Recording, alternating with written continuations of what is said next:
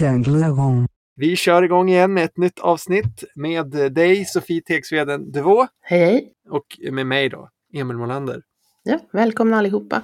Eh, I höstas, Emil, så fick du ett stipendium från läromedelsförfattarna och åkte till Aten i Grekland och satt där och skrev. Och det var ju ett sätt att inte vara hemma och inte vara i sin komfortzon, för du fick ju vara utlänning för, vad var det, tio dagar eller en vecka? Ja, det var en väldigt lyxig och gynnsam situation för att jag hade fått eh, resan betald och jag fick vara där i en lägenhet eh, i, ganska centralt i stan. Liksom. Jättefint. Och det var, det, var, det var jättebra på alla sätt och vis. Och det fick mig liksom att, jag fick lite förnyad upplevelse av hur det är att vara på fel plats på något sätt.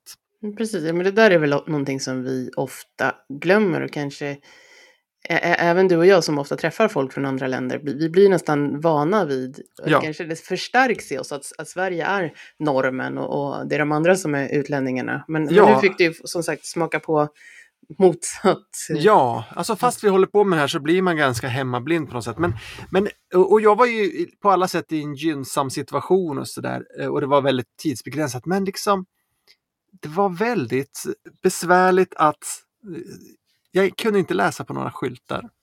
Just det, vi har ett annorlunda alfabet där också, Ja. men du känner igen P1 och kanske I1. Ja, alltså jag hade pluggat på lite innan, men det räckte inte. Eh, jag förstod inte vad någon sa. för Mm. de pratade grekiska. Så nej, det var liksom, eh, det var jättesvårt att liksom få kontakt eh, med folk. Så där. Jag var där helt ensam, vad ska jag göra? Liksom, sätta mig och prata med någon. Eh, men, men när jag gick och handlade mat då, så då hade man ju en liten chans till en interaktion. Mm. Och eh, då hade jag ju eh, kollat upp då hur man skulle säga tack eller sådär. Eller god kväll eller hej eller någonting sånt. Men sen när jag kom fram till kassörskan så sa hon det på något annat sätt. Ja. som jag inte hade förväntat mig. Och då blev jag helt ställd. Eh, eh, eh, eh, och visste inte vad jag skulle säga. Och det var så otroligt skönt varje gång någon pratade engelska. Mm. Och jag kände mig nästan lite bortskämd för att de kunde säga det där till mig på engelska. Och det är som fånigt ändå. Men jag tyckte nästan synd om mig själv. Jag kände mig utanför. Ja, de andra där, de visste vad som pågick och kunde säga hej till varandra. Men du, du var liksom Ja. där, där men inte där. Inte ens när jag gick och handlade så var jag en, en normal person på något sätt kändes det som. Men köpte du hem något konstigt då? Eller, eh, jag tänker man tittar på alla etiketter och sådär så vet man ju inte riktigt vad, vad, man, vad man köper. Lyckades du handla det du ville ha? Eller? Det var en sak som var, som var besvärlig. Jag stod och skulle köpa någon sorts skorpa eller vad det var. Och så försökte jag räkna ut om den var söt eller salt. Mm. Och jag stod och jag kunde verkligen inte räkna ut det. Eh, men jag köpte den och det, och det smakade in, inte som jag ville att det skulle smaka. Men i alla fall, det, ju, det var ju ingen synd om mig så. Men jag kände verkligen så här hur lätt det är att känna sig som en, som en utlänning, som en främling. Känna att man inte passar in. Jag blev nästan liksom irriterad på dem som hade någon att sitta och prata med på, på Mm. café. Jag tänker, en vanlig reaktion det är dels när man kommer in i mataffären att man kanske börjar vända sig till de här märkena som man kanske hemma föraktar lite och tycker liksom är lite väl kommersiella och så köper man hem liksom en KitKat och ett paket Pringles bara för att man vet vad det är och lite likadant som Just du det. säger att man börjar söka sig till de personer som som man kan eh, ko- kommunicera med och så blir man inte alls liksom kompis med de här riktiga lokalinvånarna och Just säger det. Kalispera och sådär. Vad lustigt att du sa KitKat, för jag, det var exakt så. Jag köpte KitKat. Jag köper jag aldrig här hemma. Men, men det var ganska bra tror jag att få känna på det där. För det är precis så det där det förmodligen är för ganska många. Särskilt de som kommer till Sverige ensamma. Och för mig var det ju lätt för att jag hade ju hus och pengar och allting. Och så där. Men om jag hade varit helt ensam och känt att det här är för resten av mitt liv. Jäklar vad svårt alltså. Mm. lätt hänt att välja någon sorts asocial och hatisk väg. Ja, eller att känna bara att de här jävla asen Som sätt. inte kan prata med mig. Nej, men precis. Nej, men jag, jag- tycker det också är intressant att du, nu, nu återkommer jag igen till, till den här eh, mataffären, men det är ju ofta där vi börjar så att säga se landet, oavsett om man Mm. reser eller om man är som du är där eh, en kortare tid eller om man flyttar till någonting. Man, må, man måste äta, man måste ta sig till mataffären och man måste säga hej, man måste säga tack. Någon frågar om Mm. man vill ha kvitto och man vet inte vad det betyder och liksom eh, svarar hej på, på, på, det liksom. Och också det här liksom, man, man måste hitta något att äta och, och det som, som är liksom den klassiska historien här med de jag träffar, det är ju liksom, mjölk är ju en väldigt vanlig del i mångas kosthållning och man kanske i alla fall, även om man inte dricker färsk mjölk, så kanske man mm. dricker mjölk i kaffet. Så det som händer många det är ju att man står där och så tittar man liksom lättmjölk, mellanmjölk, filmjölk, ekologisk mjölk och så ja, tar man någon på måfå liksom. Men mjölk verkar ju betyda mjölk liksom. Och så kommer man hem och häller den där filmjölken i, i sitt kaffe och då är det verkligen som droppen som får allt att rinna över. Man lyckades mm. inte ens eh, köpa mjölken. Mm. Precis, inte ens det klarar jag av. Nej.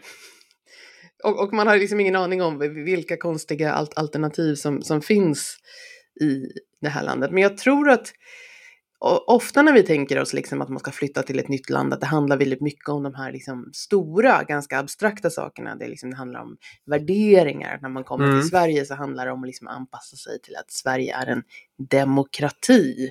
Eh, men men tvärt, tvärt det, så, så liksom, det jag hör och folk upplever så är det ofta det här lilla och det praktiska och de små sakerna som verkligen är de stora trösklarna att ta sig över. Att mm. Det handlar om liksom, att kunna hitta rätt sak i mataffären eller det handlar om att få tag på någon särskild sak som man behöver eller veta, ja, men, behöver jag gå till en mataffär eller ett apotek för att hitta det här eller hur får jag tag, liksom, jag behöver en, en kratta eh, till min trädgård eller en, en glödlampa för jag har inga lampor hemma eller jag behöver någon speciell typ av liksom låsolja. Var tar jag mm. vägen för att hitta just de här sakerna? Det är ofta väldigt frustrerande och ofta är det ju så många sådana saker som liksom bygger upp och blir liksom jättejobbigt till slut.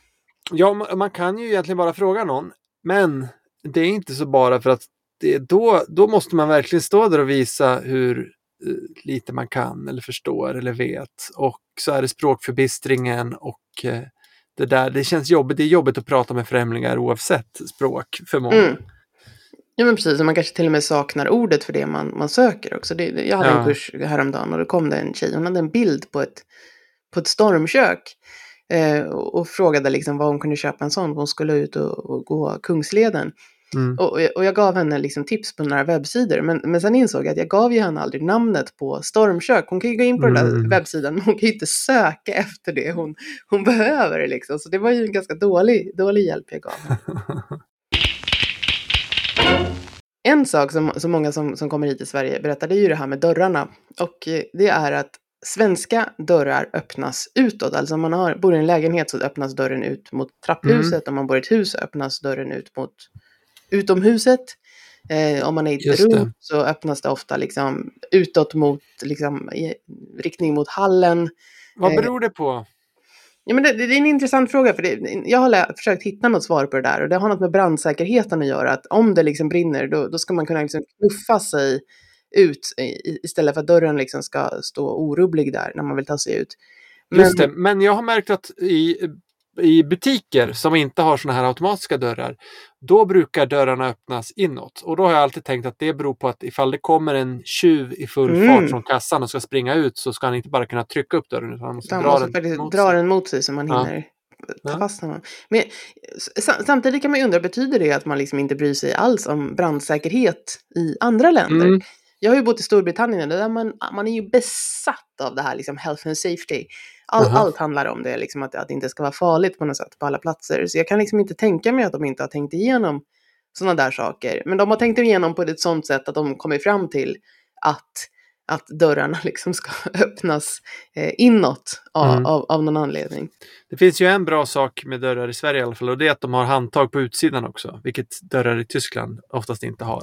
Ah, okay. Och i många andra länder. Det, det är ju det är skitdumt. Om du råkar gå ut och så har du glömt nyckeln inne, då kommer du bara inte in oavsett om dörren är låst eller inte. Ja. För det finns inget handtag på utsidan. Spanien var det också så, jag blir jätteirriterad. Alltså det, blir, ja. det blir, och det är en sån där liten skitsak, men som blir irriterad. Det är så dumt. Är alla i det här landet dumma i huvudet ungefär? Kan man börja tänka. Lätt hänt. Alltså, det låter som att det är jag som har aggressionsproblem eller någonting, men jag hamnar i det där liksom. Så, varför är det så dåligt här? Fast jag tycker Tyskland är skitbra egentligen. Men liksom det där. De Fast det har ju att göra också med att man kan inte låta bli dörrar. Alltså, det- varje dag, vad man än är, vad man än gör, så kommer man liksom konfronteras av dörrar. dörrar. Så det blir den här liksom på, liksom, Mm. lilla droppande påfrestningen hela tiden. Och det som många upplever här, det är att de, de går och drar i dörrar när de liksom ska putta på dem och tvärtom. Just Att det liksom, hela tiden känner de sig lite korkade eftersom de liksom försöker, försöker åt fel håll. Just det, och svenska dörrar är väldigt tunga också. Alltså på Mm. offentliga platser. Väldigt, väldigt tunga.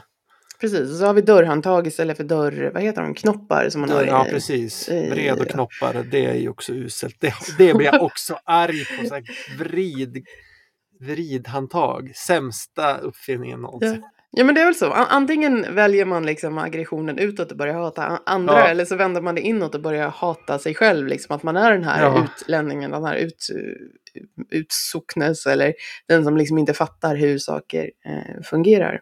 Och, och sen ibland så blir man ju arg på saker som man tror är på ett visst sätt fast de egentligen inte är så. Mm. Man har missuppfattat eller man har hört något rykte som, som inte riktigt stämmer.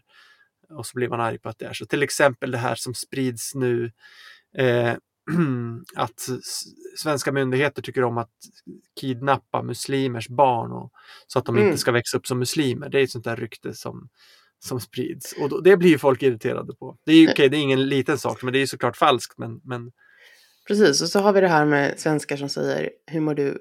Bara bra, tack. Där har jag hört väldigt många som har liksom översatt det där till sitt språk och tycker att svenskar mår liksom bara bra och att det är liksom en, ett tecken på den pessimistiska och liksom negativa livssynen svenskar har. Liksom. Men min tolkning av bara bra är liksom det, det är bara bra. Det är inte på något annat sätt än, än bra liksom. Men, men det där vill liksom inte gå hem utan jo, men det är svenskarna bor, liksom, det är Men hur- bara bra. hur tolkar folk det på ett negativt sätt? Jag förstår inte det riktigt. Jo men att, att det liksom, det är inte jättebra utan det är bara, Aha, bara okej liksom. Ja, just att, det. ja, det är inte fantastiskt, det är bara bra. ja, exakt. Ja, det är ju fel, fel missförstått. Men, men det är en sån där grej som liksom sprider sig och jag har hört det från jättemånga håll och liksom, särskilt de här analyserna att liksom, ah, det visar verkligen hur, hur liksom jävligt det är i Sverige svenskar kan inte glädjas och de kan inte vara trevliga mot varandra för det är verkligen bara bra Ja, aldrig liksom. Nej, Ja. nej, men det betyder ju att det är inget som är dåligt, det är bara bra. Ja. Bara bra, inga problem, bara bra. Mm. Men det, det har man ju verkligen missuppfattat. Ja, men det blir ju säkert många sådana där eh, mi- missuppfattar. Jag har två barn som går i årskurs ett och nu äntligen när pandemin verkar vara officiellt över så får de ge sig ut och gå på utflykter med skolan igen. Och då har det visat sig liksom att då ska, då ska man ha ma- matsäck med sig, lunchmatsäck och då har vi fått väldigt, väldigt, väldigt detaljerade instruktioner om vad man inte får ta med sig som matsäck. Mhm. Eh, och då är det en liksom ganska slumpgenererad lista. Liksom. Man får inte ha godis, man får inte ha läsk, man får inte ha bullar eh, och, och så vidare. Liksom. Ja, säkert en lista på 25 olika saker som man inte får ta med sig. Eh, Mhm. och, och det mesta är liksom baserat på liksom, hälsa och själ, att det där är så onyttigt att det kan inte få äta på skoltid. Eh, men, men sen har det då liksom folk kommit med sina matsäckar och alla svenska barn har med sig pannkakor med sylt. Därför att Mhm. syltsocker är inte lika farligt som Nej, just det. bullsocker. eh, så, så det är helt acceptabelt. Och sen har det kommit då barn vars föräldrar kommer från andra länder och är ganska nya i Sverige. Och de har ju haft med sig liksom väldigt så här konstiga eh, grejer då jämfört med de här pannkakorna Mhm. och liksom eh, Hur då konstiga? ja, men till exempel en iskall hamburgare. Eh, Ja, det är lite konstigt. som barnen kommer hem då och berättar. Liksom. Ja. Eh, och- där tror jag det är väldigt lätt. Alltså, jag, jag tror den här listan på vad man inte får ta med, den är ju ofta en reaktion på någonting som har hänt. Och jag tänker i, till Mm. exempel i många kulturer, i Storbritannien, liksom en, en, en adekvat lunch är ju en macka, en påse chips och en chokladbit. Mm. Ehm, och det tycker man liksom är den normlunchen. Så det är väl antagligen, och det finns väl olika variationer av det där liksom i olika Ja, länder. så chips räknas som potatis och mat i vissa länder, har Ja. jag märkt. Det tycker jag är väldigt, väldigt konstigt. ja, men det, är det liksom, det känns inte, det är inte en matsäck riktigt i Sverige, eller hur? Utan det är någonting man äter lite lite festligare eller så här, i soffan. Ja, det äts ju inte som en måltid utan det ska Nej. ju ätas liksom i, i soffan och gärna i väldigt stora mängder. Ja, Men, men jag tänker mig, där har ju folk liksom utgått från sina normer och sen skickat med det de tycker liksom passar och sen har de fått de där listorna. Nej men chips är inte mat, du får inte skicka med chips liksom. mm. Pannkak- Men, men varför är det då ingen som berättar för de här föräldrarna att pannkakor är mat? Ja just det. Jag tänker att- Där behöver vi svenskar tror jag bli mycket bättre på att bemöta folk som kommer från andra länder. För vi har så mycket regler, vi har så mycket normer. Och så här är det liksom, så här ska det funka. Man ska ha med sig pannkakor eller ma- mackor liksom, man är med på matsäck. Mm. Men, men vi är så blinda för det, precis som vi tycker är helt normalt med dörrarna. Vi är helt Jo, blinda men- för det där. Jo. Men man får väl ta, ta med vad man vill. Det blir konstigt om du ska säga åt att alla ska ta med pannkakor. Eller menar du att för att barnen inte ska bli utanför, eller vad då? Nej, men jag tycker man kan ge en lista på förslag. Eh, Ja, just det. För att det, var, nu kommer jag inte ihåg exakt vad det var, men det var någon som hade med sig liksom små skinkbitar sådär. Liksom att en, del kände sig kanske jätteställda liksom. Okej, jag får inte ta med det här, jag får inte ta med det. Vad- Liksom, vad, vad, vad, får Mm. jag ta med mig? Vad får man skicka med barnen? Så, så gjorde jag ju själv misstaget att inte skicka med pannkakor första gången. Och jag, har ju liksom, jag blev så otroligt kritiserad. Jag fick Vadå, vad skickar du med då? Mackor. Ja, Mackor, frukt och lite morotsstavar och så några russin och sådär. Och sen fick jag veta att jag fick 0,3 eh, av 1, eh, 0 till 10 då på föräldrakompetensen av mina barn för att jag inte hade skickat med pannkakor. ja men det är inte 0,0 i alla fall. Det var, Det var inte 0,3. 0,0 men, men jag tänker att det kan, även de som, som, som kommer hem där liksom till sina jättekonstiga utländska föräldrar som inte fattar någonting. De känner ju också att det blir jobbigt om alla andra har pannkakor och de inte har pannkakor. Ja, men tänker du inte lite snävt nu då? Ska alla in i samma folla? Är det inte bra att våra barn får se andra saker än det som vi såg, nämligen liksom pinnbröd och en sirapsflaska med saft i. Det är lite större variation. För där sitter en och har med sig skalade räkor och där sitter en med skinkbitar och där sitter en med en hamburgare. Är inte det en utveckling av vårt Jag, jag samhälle? skulle jättegärna se en utveckling och helst skulle jag bara skippa den där listan över förbjudna livsmedel. Ja. Överhuvudtaget, folk fick ta med sig vad som helst. Men jag, men jag tror att det kan vara väldigt nyttigt att inte bara berätta den ena sidan utan även den andra sidan. In, inget måste, men det här är förslag på liksom, typiska saker som man kan skicka med sitt barn. Och jag tror att Mm. de föräldrar som jag möter också som kommer från andra länder, de känner sig ofta väldigt kritiserade av samhället, av andra föräldrar, av skolan, upp, känner sig väldigt osäkra, upplever att det är väldigt viktigt att göra rätt, men ingen berättar Mm. för dem vad som är rätt. Just det. Eh, och och det, är, det är också en fråga som jag, som jag brukar få, liksom så här, vid, vid, vid vilken ålder får man lämna sina barn eh, ensamma hemma i Sverige? Eh, och det finns ingen, ingen speciell ålder, utan det ska man som förälder liksom avgöra själv. Medan i Mm. många länder så finns det, ja men liksom 14 år eller någonting, då får man gå ut så här länge och så där och lämna sina barn. Och Ja. i Sverige så ska man förväntas ta det där beslutet liksom rätt. Man ska ta ett informerat beslut och om man tar ett dåligt beslut liksom, då kan man få myndigheterna på sig. Just det. Du ska, du ska fatta rätt beslut. Vi talar inte om vad som är rätt beslut. Ja, men, men både du och vi, vi, vi träffar ju folk som upplever den här frustrationen och den här osäkerheten i sitt vardagsliv. Hur, hur hanterar du det? Hur bemöter du dem? Är det någonting du liksom tänker på i ditt jobb? Det är ju en ganska stor del av jobbet som lärare svenska att prata om kulturella företeelser och förklara dem och få folk att förstå dem. Mm. Istället för att bara döma. Till exempel, det vi har vi pratat om i tidigare avsnitt, det här med, med alkohol. Mm, vissa som ser eh, att en svensk har druckit en öl tycker att det är, en förkast, det är förkastligt. Liksom. Hur kan man göra så? Men eh, så då är det mitt jobb att förklara, men det där, det där anses helt normalt. Det är inte fråga om alkoholism och så vidare. Så att det, är väl en, det är väl en del i det. det. Det som jag märker måste jag på något sätt förklara vad det beror på. Att det är faktiskt inte bara dumt, utan det är, finns ett skäl till det. Mm. Hur tänker du? Jo, ja, men absolut. Det finns jättemycket man, man liksom måste så att säga, kontextualisera i det man pratar om. Och, men sen upplever jag även i min, alltså min, min, klass, min klassrum, mitt klassrum som är väldigt svenskt, Mm. eh, där måste jag ibland också liksom, så att säga, förklara mitt eget beteende.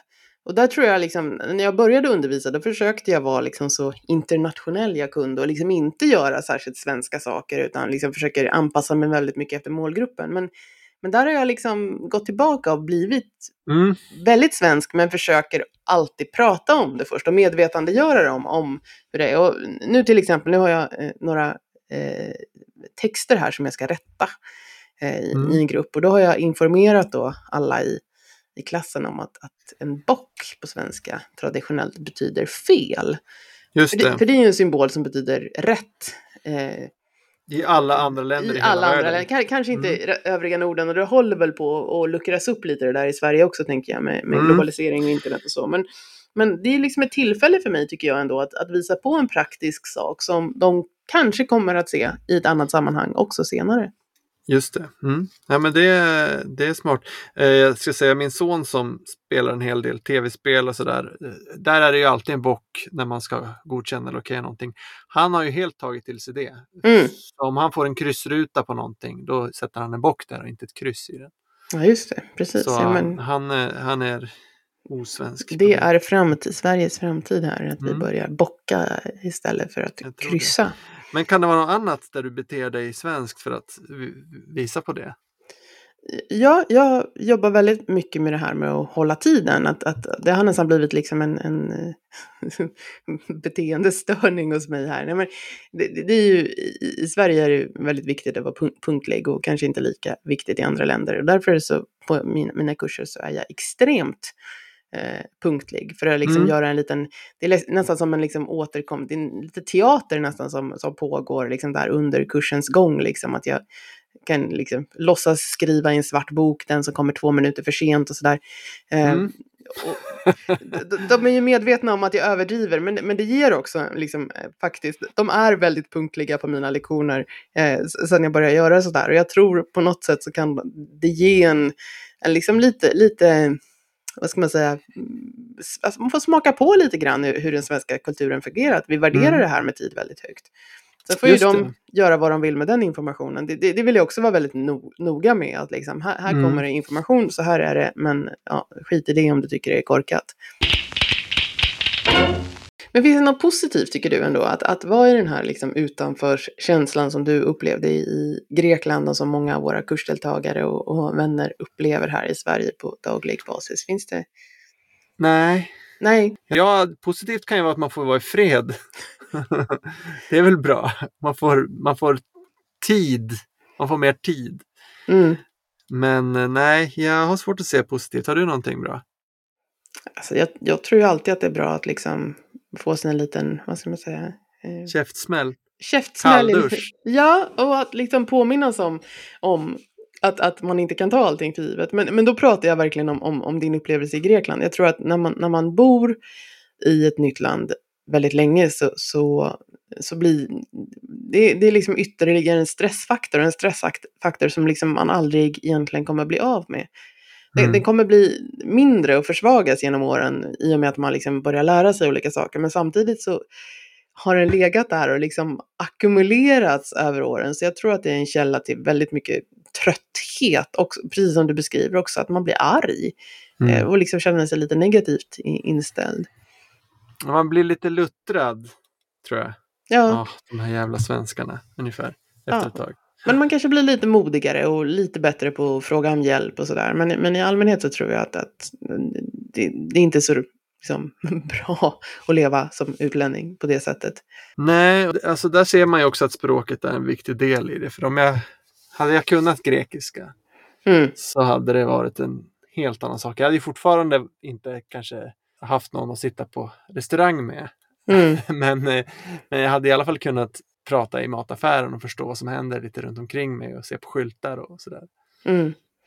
Men det är väl också någonting som, som vi återkommer till att, att eh, vi, kan, vi svenskar kanske marknadsför oss lite för mycket som ett liksom, engelsktalande land. Mm. Och det är så himla lätt att komma hit och inte kunna svenska om man kan få jobb på engelska och då kanske inom vissa, vissa tekniska branscher framförallt. Men det är ändå väldigt, väldigt, väldigt svårt att komma in i samhället och känna sig liksom hemma här utan att kunna språket. Och att vi nog ge, gör många en otjänst genom att inte poängtera om, liksom, ja men här, språket här är svenska, försök lära er så fort ni kan och så mycket ni kan, för det kommer bli lättare. Ja. Men jag tror att om man bor i Stockholm så klarar man sig ganska bra med bara engelska. För där har jag, jag märkt, då, de gånger jag var där senaste tiden, så finns det ju inte en enda servitör som inte pratar engelska. Ja. de, kan, de kan inte svenska de flesta. Men, men, men Stock, Stockholm är inte Sverige. Nej, Ja, men en sak när man också känner sig som utlänning, det är ju det här med högtiderna. Och att man, saker som liksom, det finns väldigt mycket information och det finns liksom, ja, men den 13 december firar vi Lucia, det är en jättestor grej i Sverige. Och här liksom i juni är det en fredag som är midsommar, jättestor grej. Och liksom, där, där tror jag man, man, liksom, man kommer från ett annat land, att man känner sig ganska liksom inbjuden. Att liksom, ja, men här kan jag ta del i, i festligheterna. Och så och så gör man liksom det som man förväntas göra när det är den här festligheten. Man drar sig liksom mot centrum, mot platser där det brukar vara mycket folk och så åker man kanske in liksom till centrala Umeå då, eller centrala Stockholm för att liksom fira tillsammans med, mm. med de andra. För att fira Lucia? För att fira Lucia, ja men det har jag hört, liksom att man åkt in till stan liksom och förväntat sig någon slags parad eller liksom festligheter på gatorna och mm. samma sak på midsommar och så kommer man in till stan och så är det helt dött. Och där är det ju liksom också vad, vad är det så här svenskar firar midsommar liksom? Varför blev det så stor grej av det här när ingenting verkar hända? Och där tror jag det är en ganska lång väg till att vara så pass integrerad att man liksom får vara med på ett liksom sån här riktigt midsommarfirande eller luciafirande som verkligen är liksom undanskymt från det offentliga på många sätt. Ja, fast jag tycker ändå midsommar är bästa högtiden i så fall. För att då finns det ju oftast någon plats, eh, ga gammal plats, historisk plats. Den heter till och med Gamplatsen i Lycksele. Yeah. Där, eh, där man har en stång och så är det folkmusik och folk som dansar och barnfamiljer. Och, där får man ju vara med. Där får man vara med, men man måste I, inte, med, inte på maten, men på i alla fall Nej, lekarna. Men man, man, måste hitta dit och då är det, då är det liksom, var, var, ja men om man går på internet, då finns den liksom typ på kommunens hemsida bredvid ja, så här information om sophämtning. Just det. och, och, det ser inte alls liksom festligt och inbjudande ut där, liksom, där det står hur, hur man, vad det är och hur man kommer dit. Och sen när man ska tolka den där informationen, liksom, ja, men nu ska jag ut liksom ut på någon liksom gräsplätt mm. utanför stan. Det kan, det kan inte vara rätt. Det kan inte stämma. Liksom. Det där mm. är jättekonstigt. Nej, och du, du får inte sitta och äta sill med någon. För att det, det är privat angelägenhet. Ja men precis, exakt. Mm. Och, och, och, sen sätter sig folk kanske på sina filtar och fikar lite men, men då har man ingen filt, vet du. Då, då står ja. man och tittar på. Och det är ingen som kommer bjuda enligt eh, Swedengate och så är det ingen som kommer ta fram en jordgubbe. Nej, nej precis. Det nej, vi ger fika till dem på filten intill om de inte har något. absolut inte. Men, eh, men eh, julen måste ju vara sämst då, för där finns det absolut ingenting offentligt. Det sker ju enbart i hemmet. Och det sker det enbart. Sen inget. Lucia kan ju vara bra om man, om man har någon form av sammanhang. Om man är på någon skola eller något jobb så brukar det kunna arrangeras någonting där. Inte på alla arbetsplatser. Absolut, det är ju verkligen någonting som kommer genom eh, ett, ett sammanhang som, som eh, skola eller arbete. Men om man inte mm. Eh, men det är ju ingenting som, man, som talas liksom officiellt om om du tittar på sweden.se eller liksom tv. Att, ja, men det där är någonting man måste liksom ha en rela relation till för att få, få mm. vara med på. Nej, påsk, påsk är ju den sämsta högtiden även för svenskar. Mm. Såvida man inte är religiös då och tycker att det är kul i kyrkan. Men, men det, det, den är ju tråkig och det händer ju inte så mycket. Så den, den kan man ju bara vara glad om man missar som utlänning i Sverige. Ja, precis. Och man kanske kan titta på en bild att någon hänger lite fjädrar i några kvistar och då kanske man vill testa det själv ja. också. Men, ja, det är men... det som är påskens höjdpunkt ungefär, några fjädrar i några kvistar. Mm. Men där har jag också hört, för att i, i många länder när man köper ett påskägg så är ju ägget liksom redan fyllt eller gjort av choklad. Att, att det är liksom ett mm. jättestort tomt chokladägg eller ett chokladägg med godis i. Och det har ju eh, som man köper färdigt i affären medan man i Sverige då köper ju liksom ett tomt ägg och fyller själv. Men det har jag mm. hört någon som liksom har köpt de där äggen och gett bort dem och så har det varit Ja, så var det tomt. då känner man sig också lite utanför. Ja, sen eh, surströmmingsskivan är ju där, där tror jag ju att eh, man har chans att bli inbjuden som utlänning. Exakt, och, och, för att liksom få vara med om det här läskiga. Man vill, det, det är lite roligt att bjuda dit en utlänning och titta på dem när de äter. Ja, exakt. Och det, samma med lite... kraftskivan där. Precis, ja, men är det surströmmingsskiva så är det alltid kul med någon som aldrig ätit det och inte känt lukten tidigare.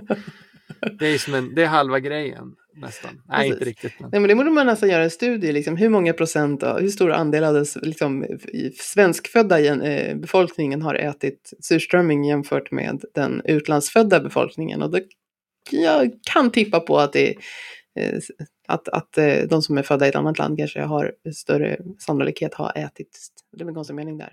Det är större sannolikhet att den som är född utomlands har ätit surströmming än någon som är född i Sverige. Ja, om, om du pratar Skåne så kanske. Ja, eller andra södra delar av Sverige som Stockholm till exempel.